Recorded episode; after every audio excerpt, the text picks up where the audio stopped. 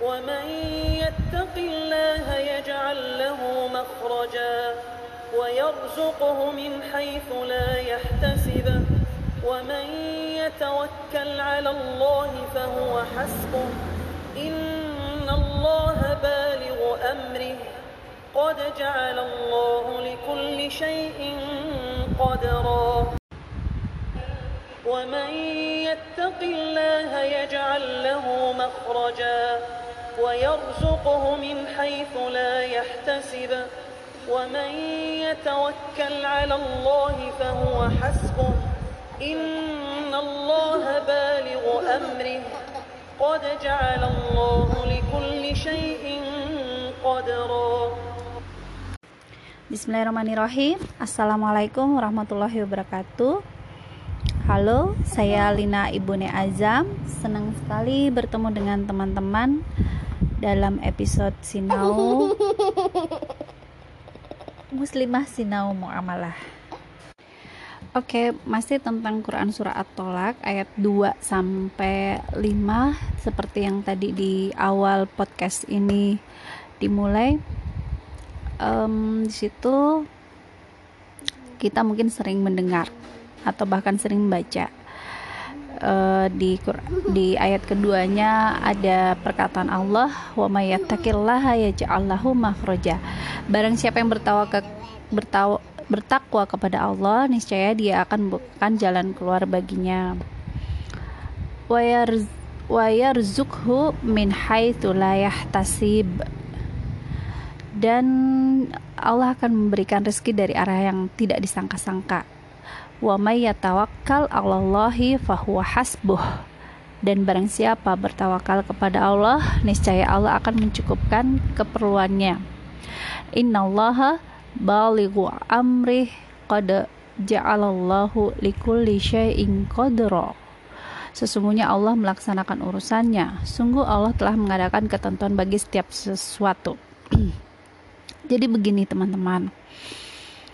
Uh, dulu dulu ini sekitar tahun berapa ya? Sekitar tahun 2016 akhir atau awal 2017 itu ketika uh, saya yang bersama keluarga yang tadinya tinggal di Kerawang diminta pulang ke Jogja oleh ibu kami ibu, karena ibu udah mulai sepuh dan kesehatan ibu saat itu cenderung menurun sehingga ya Bismillah. Walaupun saat itu uh, kami sedang menikmati uh, apa ya bisnis rintisan uh, lagi semangat semangatnya nih menikmati usaha lagi semangat semangatnya memulai usaha lagi senang senangnya dengan komunitas. Saat itu saya punya komunitas uh, ibu profesional Kerawang ya di dikasih amanah oleh foundernya langsung untuk kemudian uh, menghidupkan ibu profesional di regional Kerawang. Tapi kemudian belum maksudnya gini belum lama kami menikmati hal tersebut kemudian kami diminta untuk pulang. Ya bismillah. Niatkan lillahi ta'ala kemudian niat uh, birrul walidain kami pulang.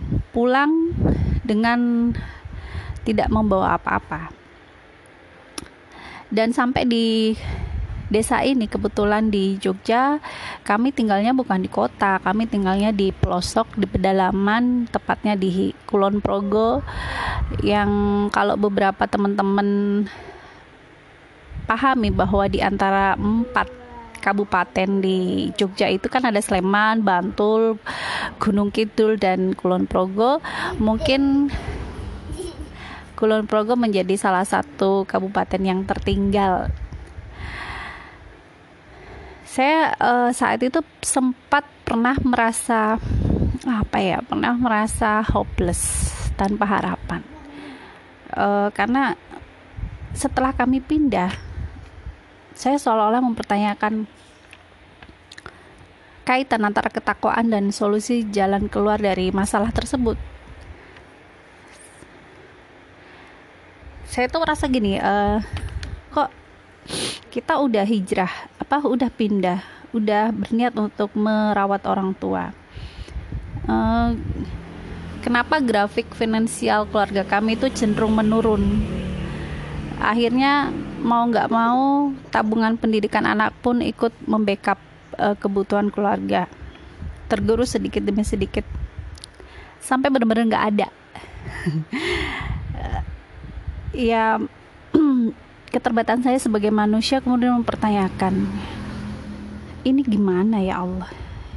Ini di mana? Wa mayyatakillahnya tuh di mana? Nih. Demikian waktu itu mencoba mempertanyakan. Astagfirullahaladzim dan itu adalah kesalahan terbesar yang kemudian uh, itu sebenarnya meragukan meragukan bahwa Allah itulah yang mencukupkan semua kebutuhan kita. Dalam Quran surah At-Tolak ayat 2 sampai 5 ini sudah benar dijelaskan sama Allah itu bahwa siapa yang bertawakal maka Allah akan berikan solusi. Diberikan rizki yang tidak dia sangka-sangka. Dimudahkan urusannya dihapuskan dosa-dosanya dan dilipat gandakan pahalanya. Itu maksudnya apa ya teringat perkataan Imam Ash-Syafi'i rahimahullah Barang siapa yang tidak dimuliakan dengan ketakwaan, maka tidak ada kemuliaan sama sekali. Jadi poinnya sebenarnya hmm, apa ya bangunlah ketakwaan tersebut karena dengan takwa akan ada solusi dengan takwa akan ada rezeki dan itulah makna kemuliaan saya kemudian teringat uh, pernah mendapatkan materi bunda produktif dari uh, Ibu Septi di apa ya di pilar bunda produktif itu.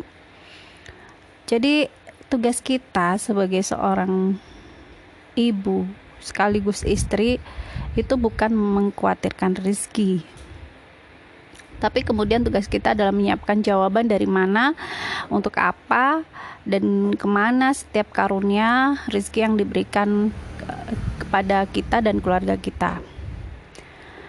Inilah mm, inilah apa ya? E, turunan dari ketakwaan itu tersebut. Jadi menyiapkan jawaban. Karena harta-harta yang kita miliki itu yang halal aja dihisap, yang haram pun akan diazab. Kembali ke ke mana ya kembali ke pertanyaan saya tadi bahwa di mana kaitan antara tawakal bertakwa dengan rezeki yang tidak disangka-sangka.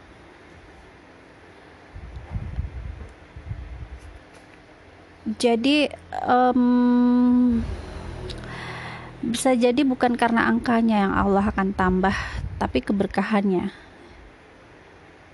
Dan ini seperti perkataan seorang ulama bernama Sufyan bin Uyainah ketika menjelaskan uh, min haitsu la tasib ya itu adalah Allah akan memberikan rezeki dari arah yang tidak ia duga-duga itu adalah keberkahan. Sebagai manusia kita tuh menduga rezeki itu berupa materi. Rezeki itu ter, uh, adalah angka. Misalnya dari 1 sampai ke ditambah jadi 10 juta. Bukan seperti itu. Ternyata dugaan kita tuh meleset. Justru uh, uh, yang Allah tambahkan itu adalah keberkahannya. Seperti yang saya rasakan rumah tangga semakin solid anak-anak tumbuh menjadi anak-anak yang sehat cerdas dan alhamdulillah mereka uh, nurut ya. Kadang-kadang ada sedikit yang gemesin ya itu biasa anak-anak. Memang mungkin secara finansial uh, kami terjadi penurunan tetapi uh, rasa nyaman rasa sakinah rasa ketenangan itu benar-benar dirasakan enak banget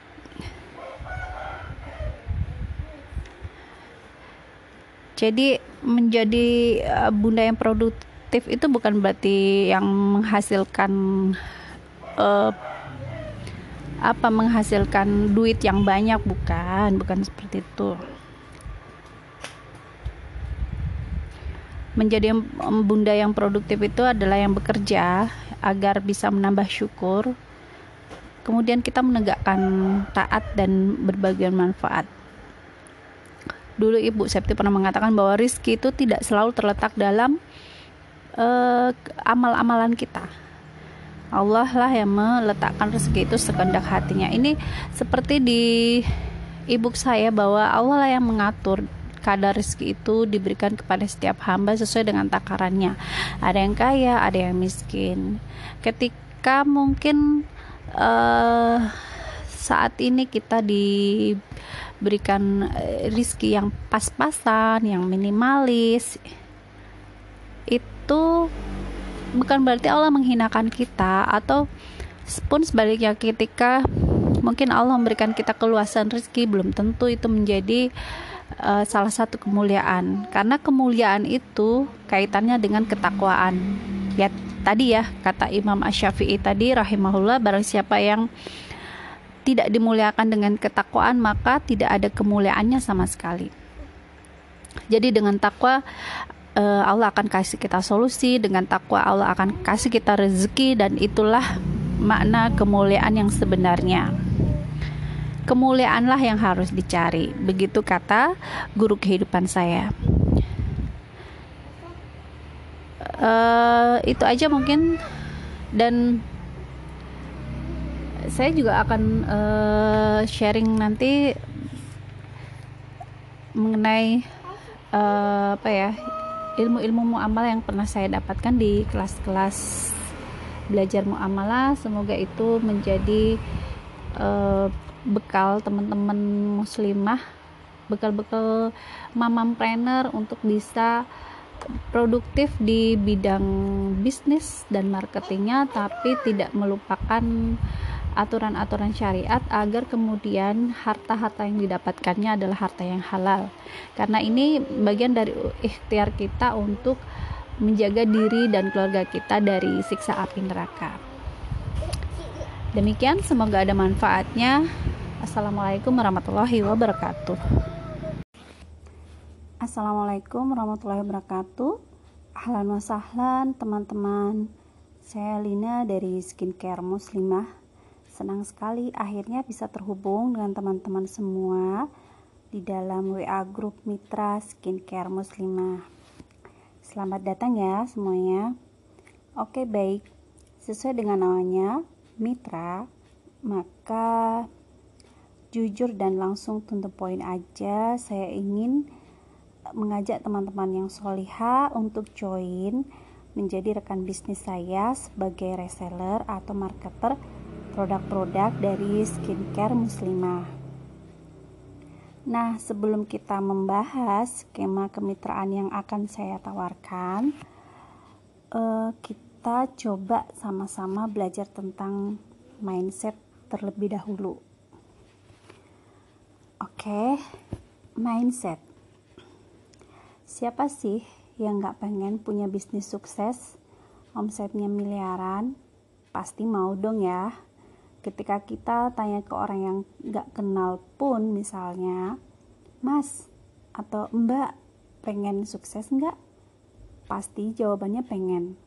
Karena pada dasarnya kebanyakan orang itu hanya ingin saja, ingin sukses, ingin kaya, ingin banyak uang misalnya, ingin omsetnya banyak gitu ya.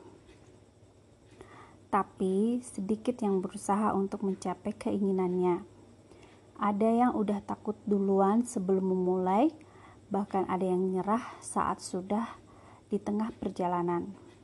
Nah, sekarang sebelum teman-teman mungkin memulai menjalin kemitraan bersama saya, teman-teman mau masuk ke golongan yang mana? Coba mulai membaca diri dan menanyakan kepada diri sendiri untuk kemudian menemukan jawabannya apa. Sama halnya ketika kita ingin sukses berbisnis, apalagi uh, bisnis offline di mana kita harus bertemu dengan calon konsumen secara langsung menawarkan produk secara langsung. Apakah kita udah siap? Apalagi buat nawarin produk. pasti rasanya bercampur aduk ya. Mungkin yang baru pemula di dunia bisnis, bawaannya nggak pede. Mau nawarin masih malu-malu kucing, bingung mau ngomong apa. Belum lagi kalau kita bertemu dengan kemungkinan-kemungkinan yang kejam lainnya. Yang suka PHP, nanyanya banyak, belinya kagak. Yang nawarnya super sadis, yang ditawarin juga cuek bebek. Sekarang sekali lagi tanyakan kepada diri apakah kita sudah siap. Hmm, hanya teman-teman yang tahu jawabannya. Jadi bisnis itu sebenarnya beresiko ya teman-teman. Mau jualan online atau offline, keduanya sama-sama punya resiko. Tinggal bagaimana kita menghadapinya. Jadi eh, sebelum kita mulai, maka yang perlu kita benahi adalah perbaiki mindsetnya dulu dan menyiapkan mental. Kalau kita ingin sukses, perbaiki mindset kita.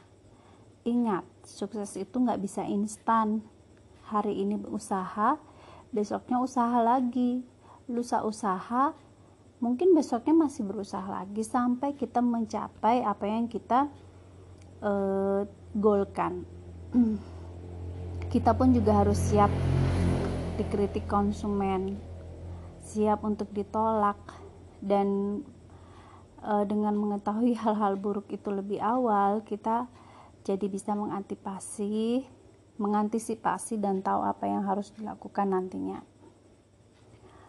Nah, selain mindset dan mental, eh, mengetahui produk ya, produk knowledge itu juga adalah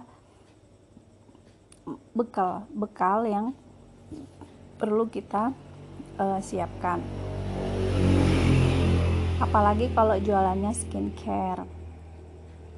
Nanti teman-teman uh, di blog saya yang skincare sunnah itu uh, saya sudah sedikit menjelaskan ya uh, skincare muslimah itu apa kemudian produk-produk yang kami distribusikan itu apakah semua jenis skincare masuk di dalamnya ataukah dengan skincare tertentu. Jadi nanti ketika teman-teman sudah siap dan um, mantap untuk bergabung saya akan uh, jelaskan pelan-pelan agar teman-teman paham value dari skincare muslimah uh, terus uh, produk-produk knowledge yang kami distribusikan itu kandungannya bahannya uh, semuanya itu akan saya jelaskan sebagai uh, bagian dari upaya teman-teman untuk mengedukasi konsumennya. Berikutnya, pentingkah mindset itu? Masih berpikir kalau mindset itu nggak penting? Tahu nggak sih, penelitian dari Universitas Tennessee pada tahun 2013 mengatakan bahwa 25% bisnis gagal setelah satu tahun kemudian berlanjut 35% setelah di tahun kedua. Kegagalan ini akan lebih besar lagi di tahun ketiga yaitu 44%. Artinya jika tidak ada 10, misalnya ada 10 bisnis, maka um, pada tahun ketiga hanya akan ada sekitar 2 atau 3 bisnis saja yang bertahan. Kok bisa? Apakah sesulit itu membangun bisnis? ia akan sulit kalau kita tidak punya mental dan mindset yang kuat. Jadi, mindset itu benar-benar basic yang harus kita siapkan, harus kita miliki sebelum kita terjun ke hal-hal teknis di dalam dunia bisnis. Um, kemudian, apalagi ya? uh, selain mindset mungkin tujuan dari berbisnisnya apa?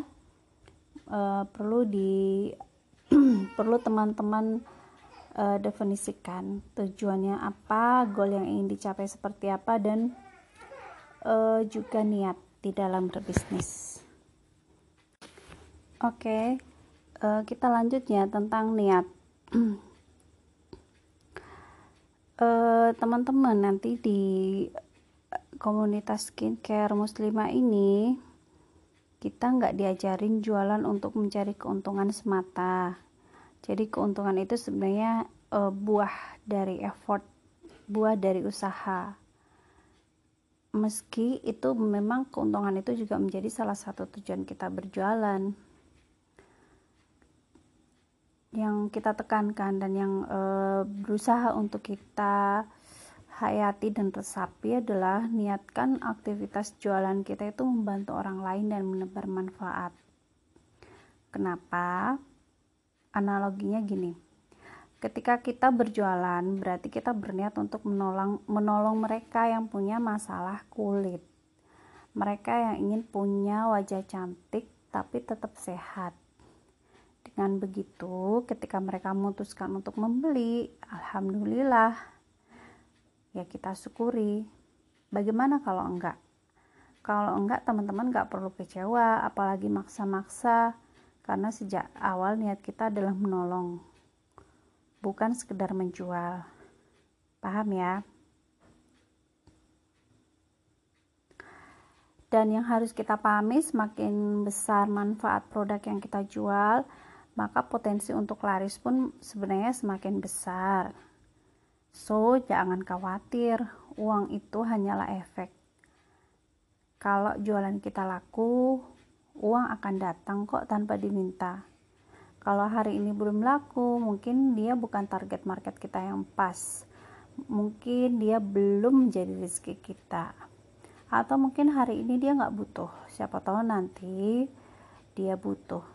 Ingat kembali ke mindset awal tadi buang jauh-jauh pikiran negatif dan perbanyak positive thinking, berbaik sangka. Karena apa-apa yang kita pikirkan itulah yang akan terjadi. Oke, di samping soal niat, kita juga harus tahu apa tujuan kita dalam berbisnis. Orang yang hari ini sukses, mereka itu sebenarnya sudah menuliskan tujuan dan impiannya saat e, bisnisnya masih di titik nol. Maka salah satu polanya adalah menuliskan tujuan uh, kita. Sekarang uh, di akhir podcast yang pertama ini saya minta teman-teman untuk menuliskan tujuannya dalam berbisnis apa. Nanti bisa disampaikan di WA group. Setelah itu saya akan uh, melanjutkan dengan uh, tentang apa skema ya skema kemitraan yang saya tawarkan kepada teman-teman. Demikian dulu dari saya uh, sampai ketemu di podcast berikutnya. Terima kasih. Wassalamualaikum warahmatullahi wabarakatuh